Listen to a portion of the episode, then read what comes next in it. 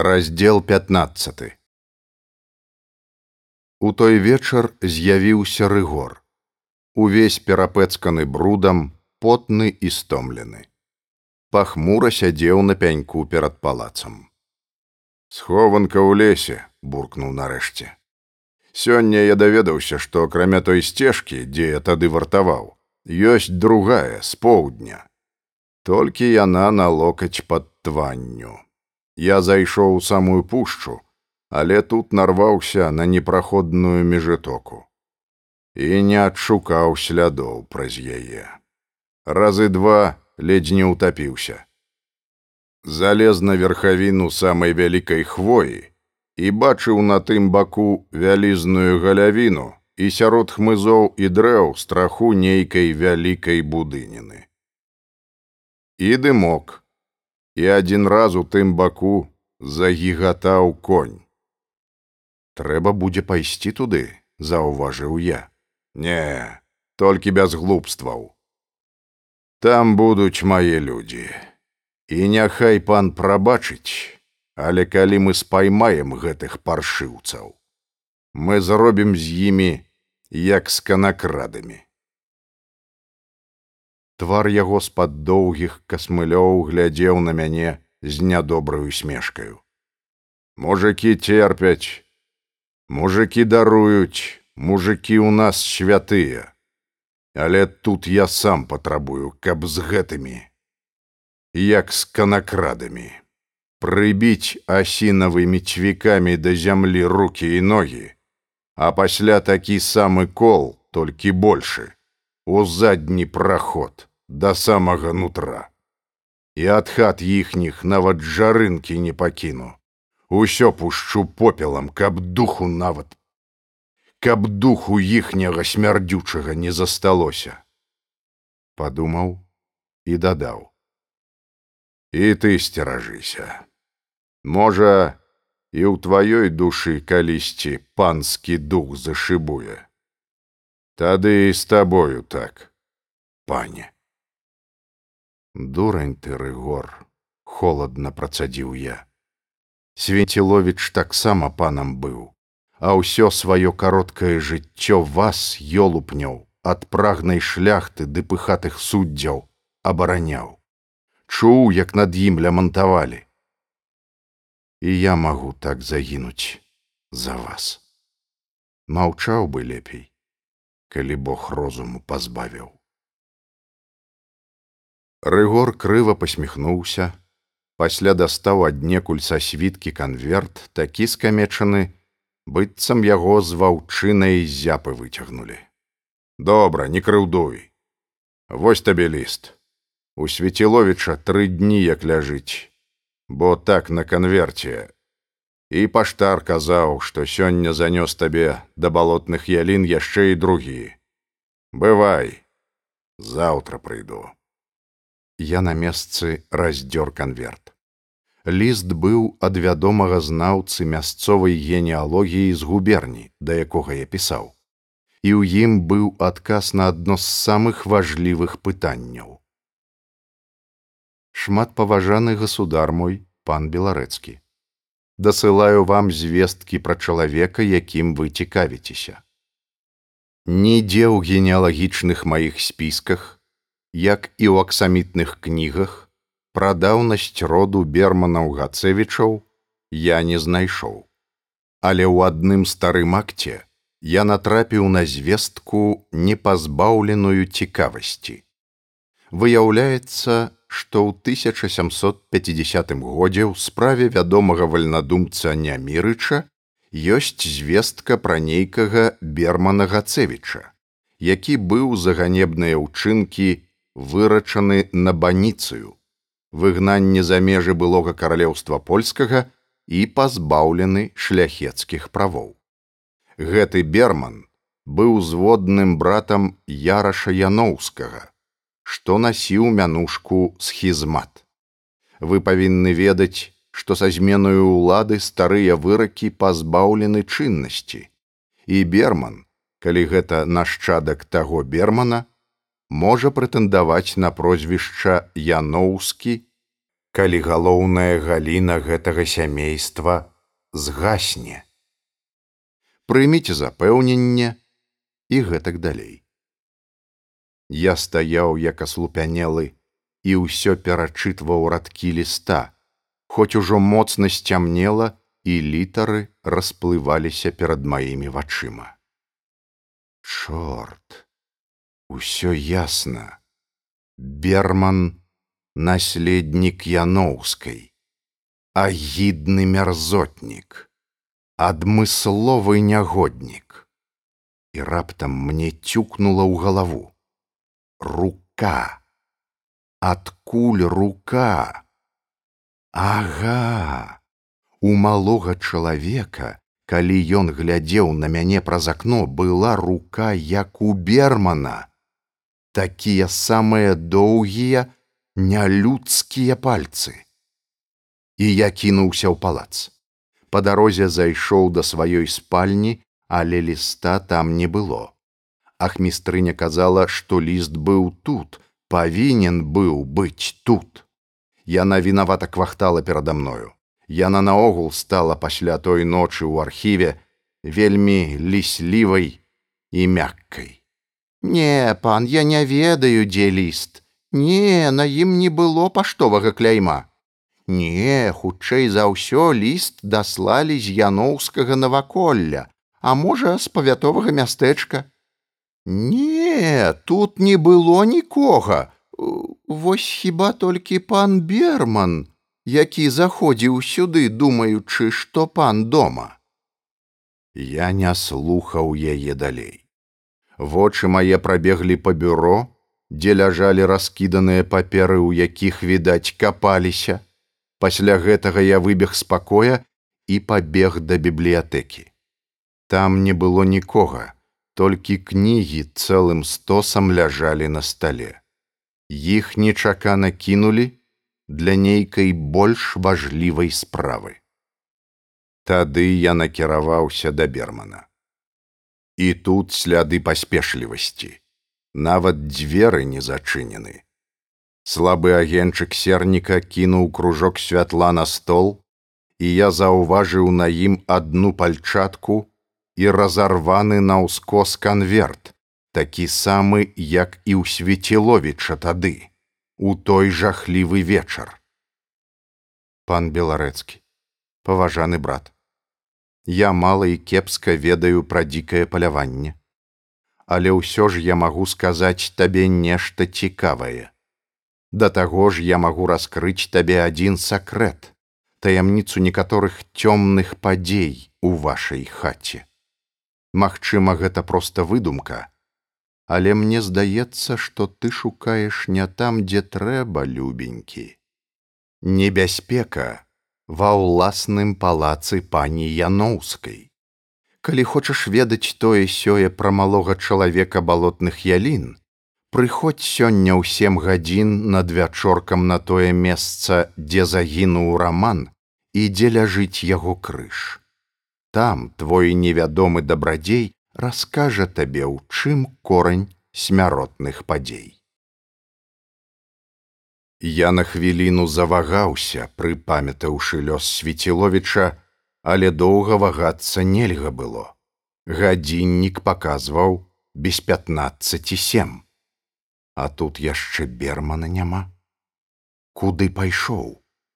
Калі ён і малы чалавек і кіраўнік дзікага палявання ён павінен вельмі занепакоіцца прачытаўшы перлюстраваны ім ліст ці не пайшоў ён замест мяне на спатканні з незнаёмцам каб замкнуць яму рот цалкам магчыма А тут яшчэ вартаўнік на маё пытанне пра бермана паказаў рукою на паўночны захад, якраз у напрамку алеі і дарогі, што вяла да крыжа рамана старога.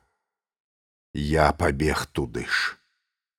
Ах, колькі я пабегаў за гэтыя дні і, як сказалі б зараз патрэніраваўся. Чорт яго бяры такі трэнінг разам з балотнымі ялінамі. Ноч была трохі святлейшая, чым заўжды.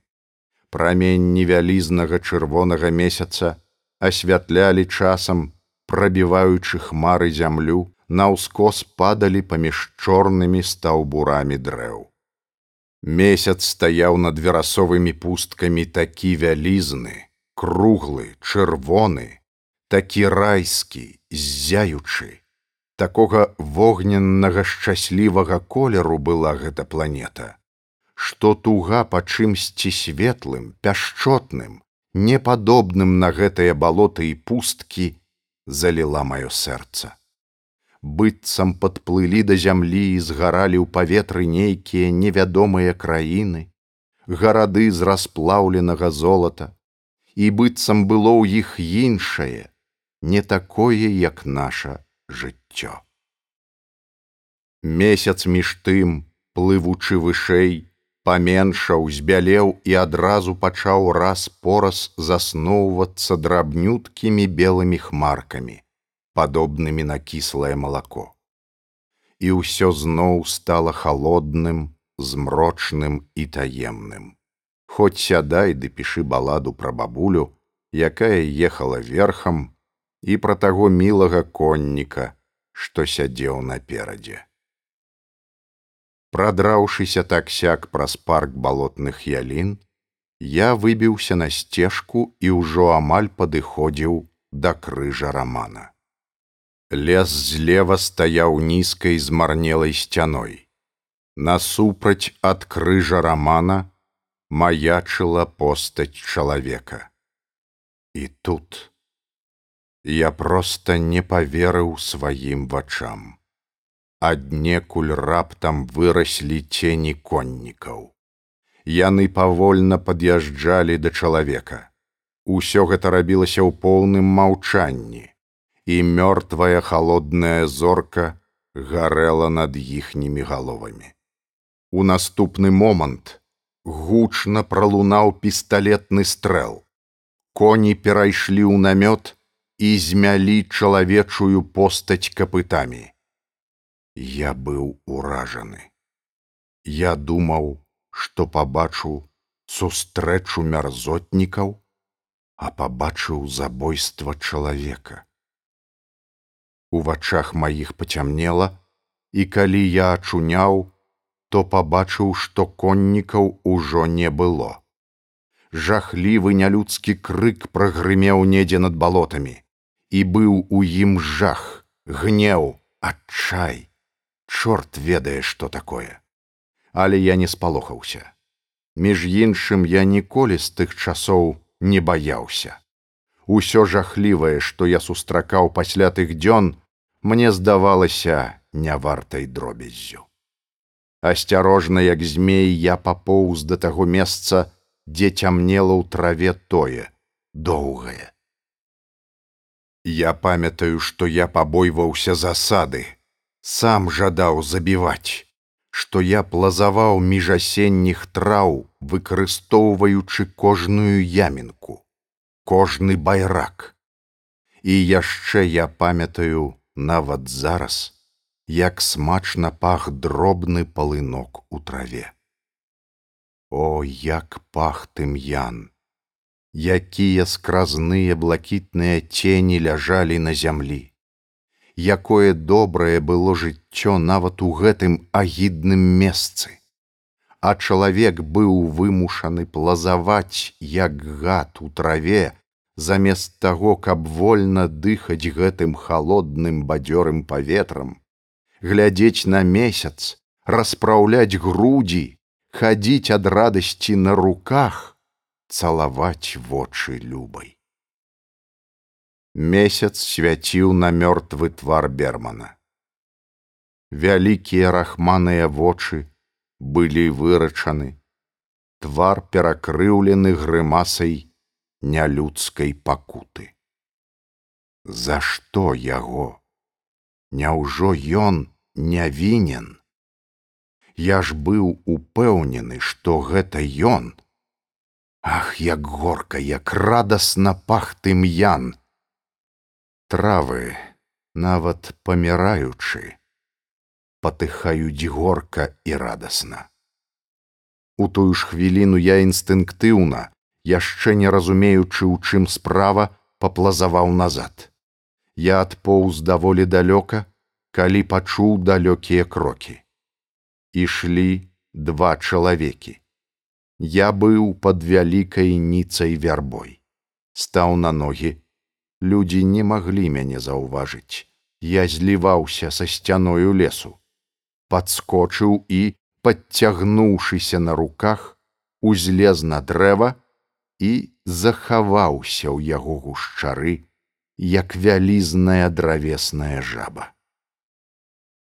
Два цені падышлі да забітага. Месяц свяціў проста на іх, але твары былі закрыты кавалкамі цёмнай матэрыі. Дзіўныя гэта былі постаці. У старых капцях, у чугах, з доўгімі валасамі, на якіх ледзь трымаліся плеценыя з палосак скуры шапкі, такія можна было бачыць у музеі месца віленскага. На плячах доўгія плашчы. Яны падышлі да трупа і схіліліся над ім. Я чуў урыўкі іх размовы. Абодва трапілі на адну і тую ж вуду. Лікол хе-хе. Як яны аднак паверылі гэтай дзіцячай мянушцы. І той паследыш і гэтая свіння лікол. Даў ім лікол. І раптам адзін з іх не ўстрымаўся ад здзіўленага ўскрыку. Что такое? Глядзі пацук гэта не той як не той чаго ты брэшаш А я табе кажу, што не той. Гэта гэта той дзівак, што жыве ўпраўляючым у Яноўскай. Ах, чортава душа, памыліліся трошки. За гэтую памылку хлопча, змрочна адказаў адзін. З нас лікол галаву здыме. Непрыемна, браце. Два забітых гэта жах. Гэтым можа і начальства зацікавіцца. Але чаму ён з'явіўся сюды замест таго? Другі не адказаў. Яны пайшлі ад трупа і сталі пад дрэвам пад самымі маімі нагамі. Каб я пажадаў, я мог бы апусціць нагу і стаць на галаву кожнаму з іх па выбару, або двойчы стрэліць з рэвальвера на такой адлегласці, на якой і дзіцёнак трапіў бы. Я дрыжаў ад хвалявання, але голас холоднага розуму казаў мне, што так рабіць нельга, што я спалохаю астатніх, што з паляваннем трэба канчаць адным ударам, што зараз трэба сачыць за гэтымі. Хопіць, я нарабіў занадта многа памылак. І калі загіне яшчэ і надзея, тады толькі і застанецца, што пайсці ў волатаву прорву, скокнуць туды і пачуць, як вырвецца над табою ствані з дзікім ровам паветра. За што ён так ненавідзіць гэтага беларэцкага? спытаў той, каго клікалі пацуком. Думаю за тое, што беларэцкі хоча ажаніцца з яноўскай. А тады палац з рук лікола ўцячэ. Дык нашто ён яму? Гэта ж трухлявая труна, а не будынак. Ну, гэта ты не кажы.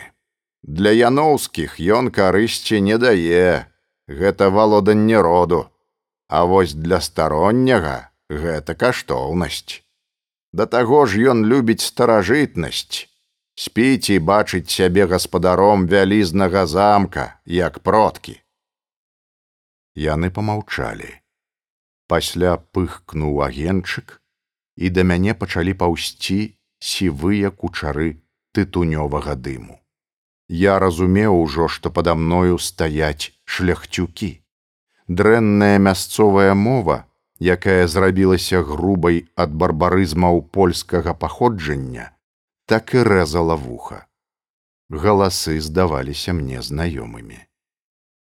Мне здаецца, буркнуў адзін пасля працяглага маўчання, што тут яшчэ адна прычына хлопы маеш рацыю Калі заб'ём яшчэ і гэтага, яны прыціхнуць, як мышы пад венікам, а то дужа нахабныя сталі. Нядаўні бунт пасля забойства ўпраўляючага гарабурды. Глядзяць нахабна і асабліва сапсаваліся пасля прыезду свеціловіча.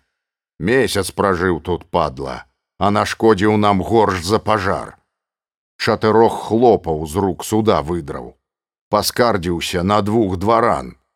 А калі гэты беларэцкі прыехаў, зусім дрэнна стала.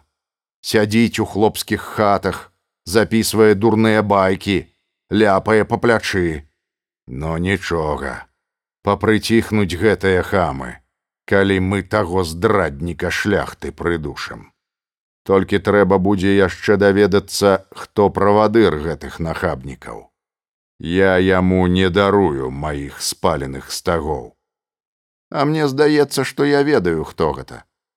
Гэта кульшаў вартаўнік рыгор, гэткая нахабная мыса, як у ваўка, і павагі да цябе ніякай. Нічога, рыгнецца і яму. Зноў помаўчалі. Пасля адзін сказаў: « А ведаеш, яноўскую шкада, такую жанчыну давесці да вар'яцтва або забіць глупства. Такім калісь ногі цалавалі. Памятаеш, як яна на бале ў даўняй сукні лебедзем плыла. Ух! Ды пан шкадуе, дабавіў другі. Але што зробіш? І раптам зарагатаў. Чаго ты? Не таго мы мякнулі, не шанцуе нам. А яму яшчэ горш. Ты памятаеш, як раман крычаў, калі яго ў дрыгву загналі, казаў, што з-за труны нас выдасць аж бачыш маўчыць і яны пайшлі ад дрэва я чуў яшчэ толькі як пацук сказаў басам нічога хутка і да гэтага наведаемся. Я саслізнуў з дрэва зусім нячутна і рушыў за імі. Бязгучна ступалі мае ногі па траве. Там сям я нават плазаваў. І вядома я зноў выявіўся дурнем бо забыўся на тое што ў іх маглі быць коні. Яны зайшлі за грыўку хмызнякоў я прыцішыў крокі баючыся нарвацца на іх а праз хвіліну пачуў пошчак падкоў калі я выдраўся на дарогу я пабачыў даволі далёка два цені якія шалёна гналі коней ад крыжа рамана на паўдзённы ўсход. Думкі мае былі невясёлыя. Даведаўся, што яны палююць за яноўскай і за мною, што літасці чакаць нельга. Выпусціў двух бандзюкоў, ды яшчэ так жорстка памыліўся ў бермане.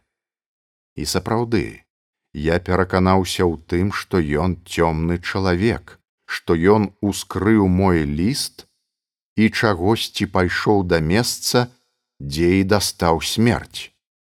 І самы факт гэтай смерці закрыў ад мяне ўсе астатнія яго правіны.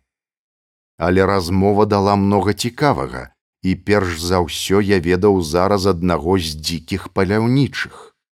Гісторыя са спаленымі стагамі выдала яго, стагі спалілі за апошнія дні ў шляхцюка маркі стахевіча якога я бачыў на гулянцы ў дубатоўка.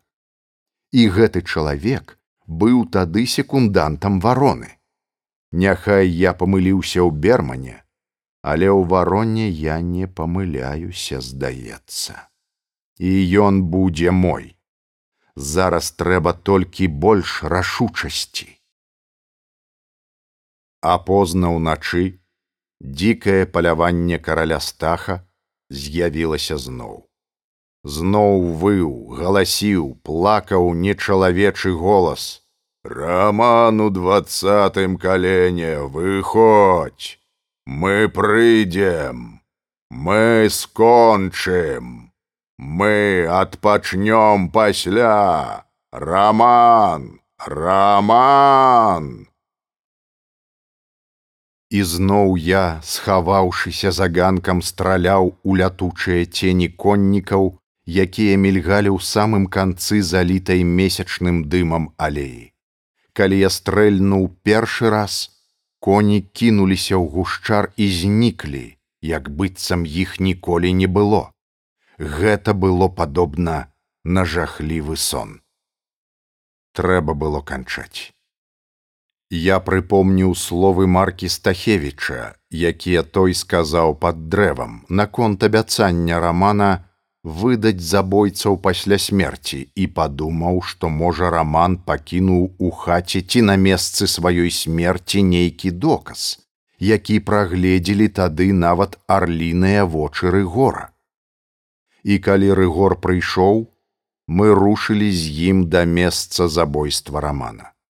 Я добры хадок, але ледзь паспяваў за гэтай доўгай фігурай.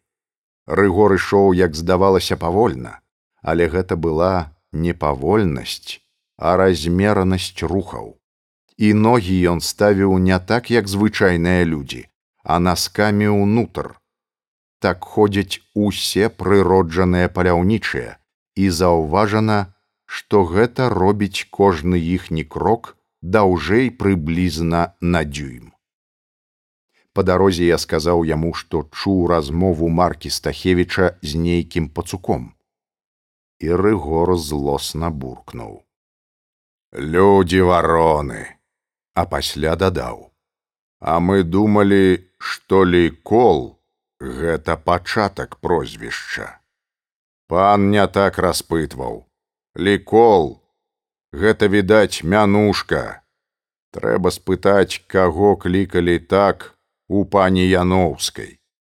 Калі ведалі гэтую мянушку свеціловіч і нават берман, значыцца яна таксама павінна ведаць. Я пытаў яе, Ты пытаў у яе прозвішча, ды яшчэ пачатак яго, а не мянушку. Так мы дайшлі да славутага і двойчы апісанага мною месца, дзе застыў у багне бацька надзеі раманаўны. Мы пераварушылі ўсю сухую траву, хоць глупствам было б шукаць тут нешта пасля двух год і нарэшце падышлі да таго месца, дзе невялікі абрыўчык раптам узносіў лугавіну над дрыгвой. Тут сказаў рыгор. Над самым абрывам тырчаў з зямлі невялікі стаўбур, уломак ад дрэва, якое калісьці расло тут.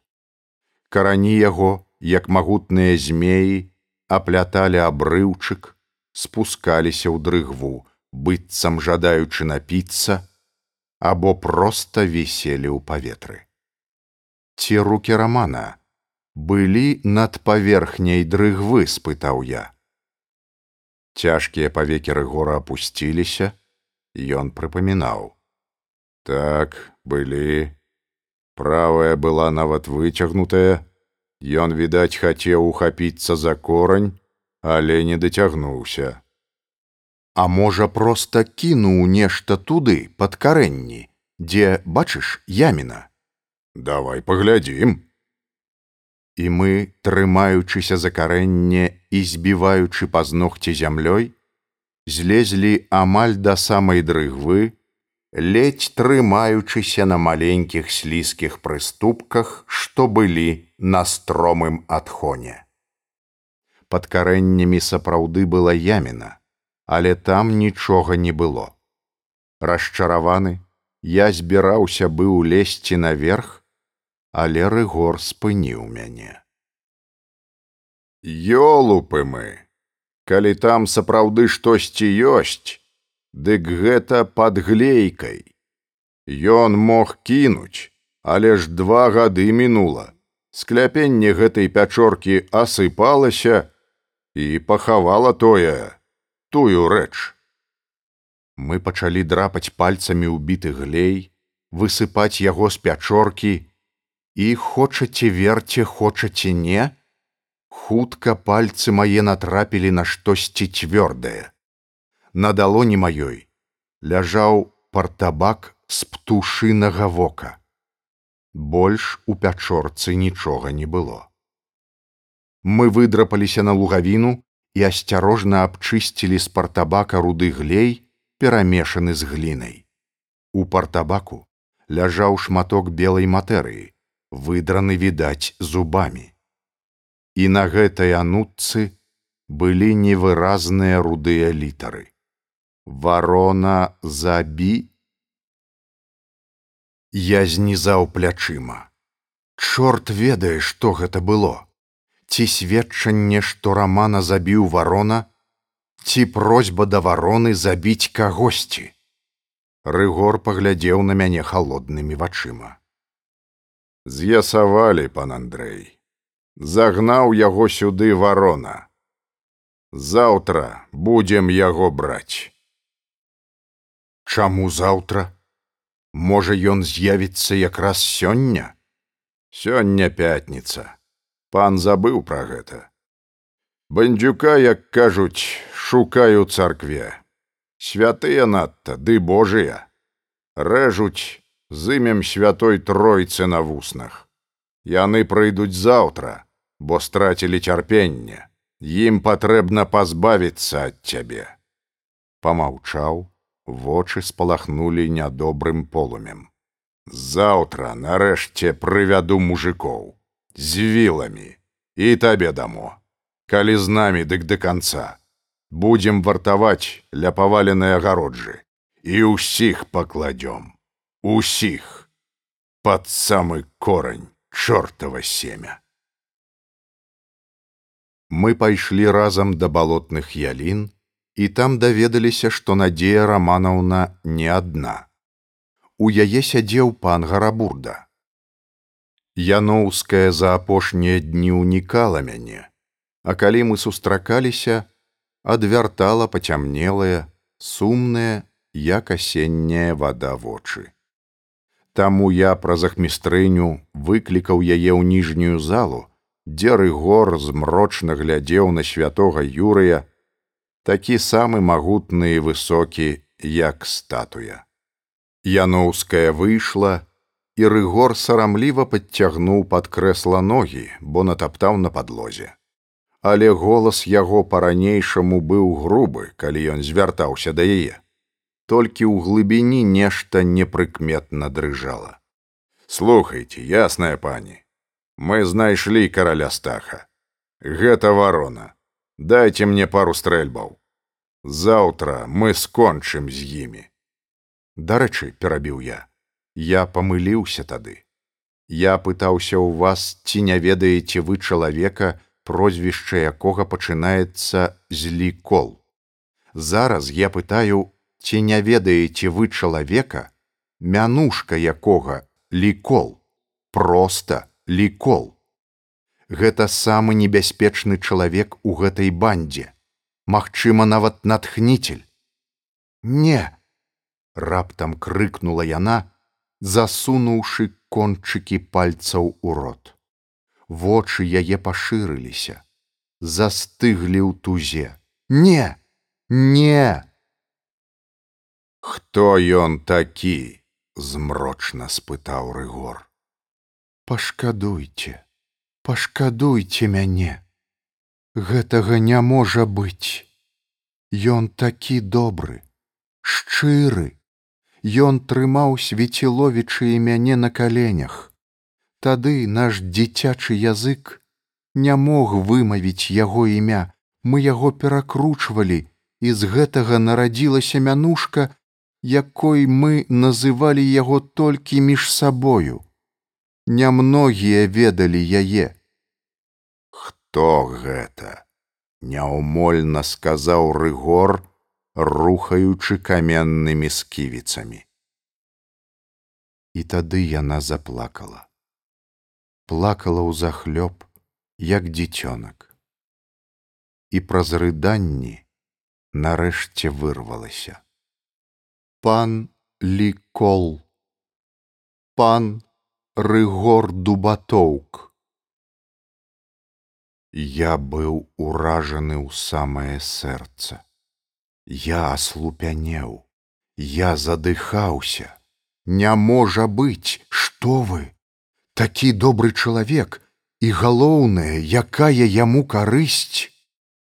А памяць паслужліва падсунула слова аднаго з мярзотнікаў пад дрэвам: любіць старажытнае.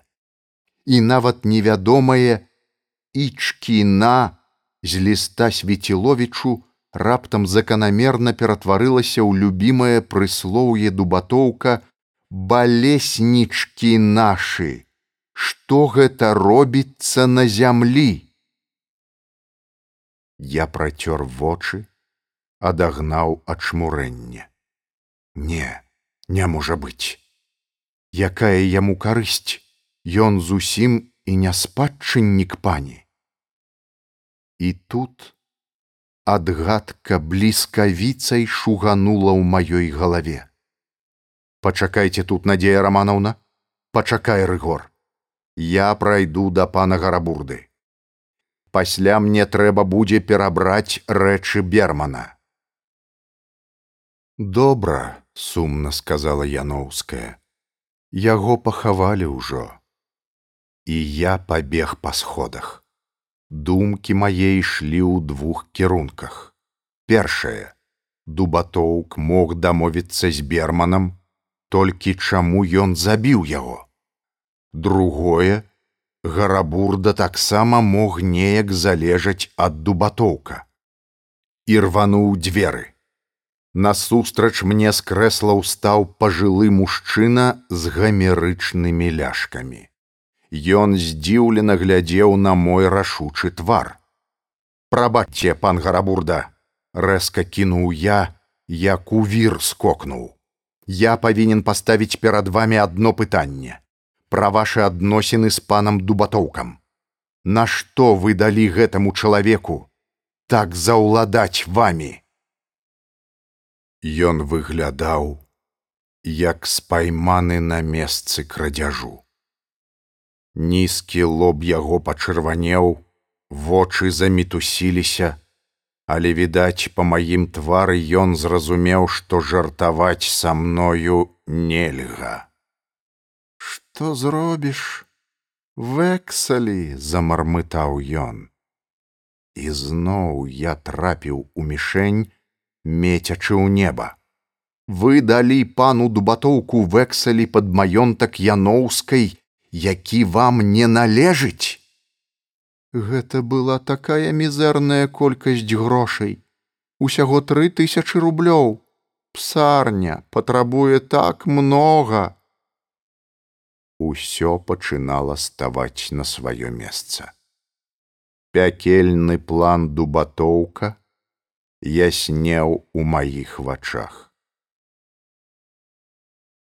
Па тэстаменту рамана Яноўскага замармытаў ён, абіраючы дрыжачымі пальцамі нешта з візіткі, устаўлена такая субстытуцыя.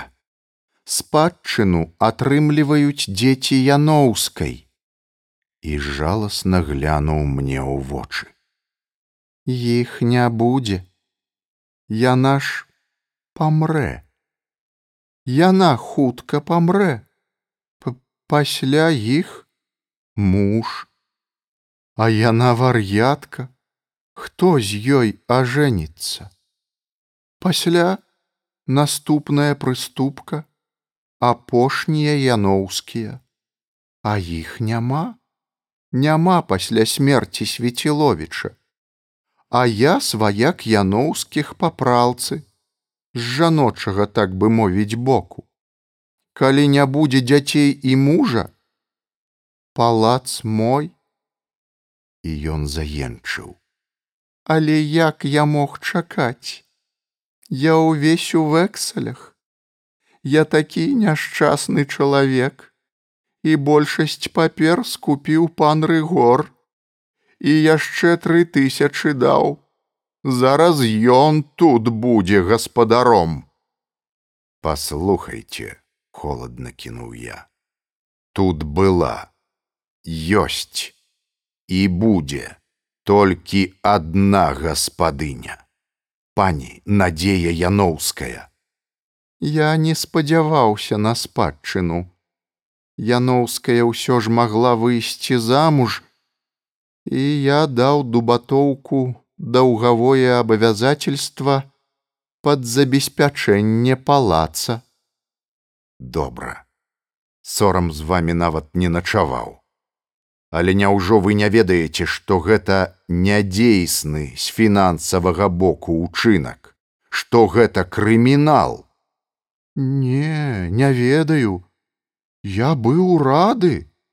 А вы ведаеце, што вы штурхнулі дубатоўка на жахлівае злачынства, якому і наймення на чалавечай мове няма. Чым вінавата бедная дзяўчына, што вы пажадалі пазбавіць яе жыцця. Я падазраваў, што гэта злачынства, разрумзаўся ён але моя псарня гніда вы рук толькі пэцкаць не хочацца вами будзе займацца губернскі суд. А пакуль што я сваёй уладай засаджу вас на тыдзень у сутарэнне гэтага дома каб вы не маглі папярэдзіць іншых мярзотнікаў. Пакуль скончыцца гэтая справа. Это гвалт заскуголіў ён.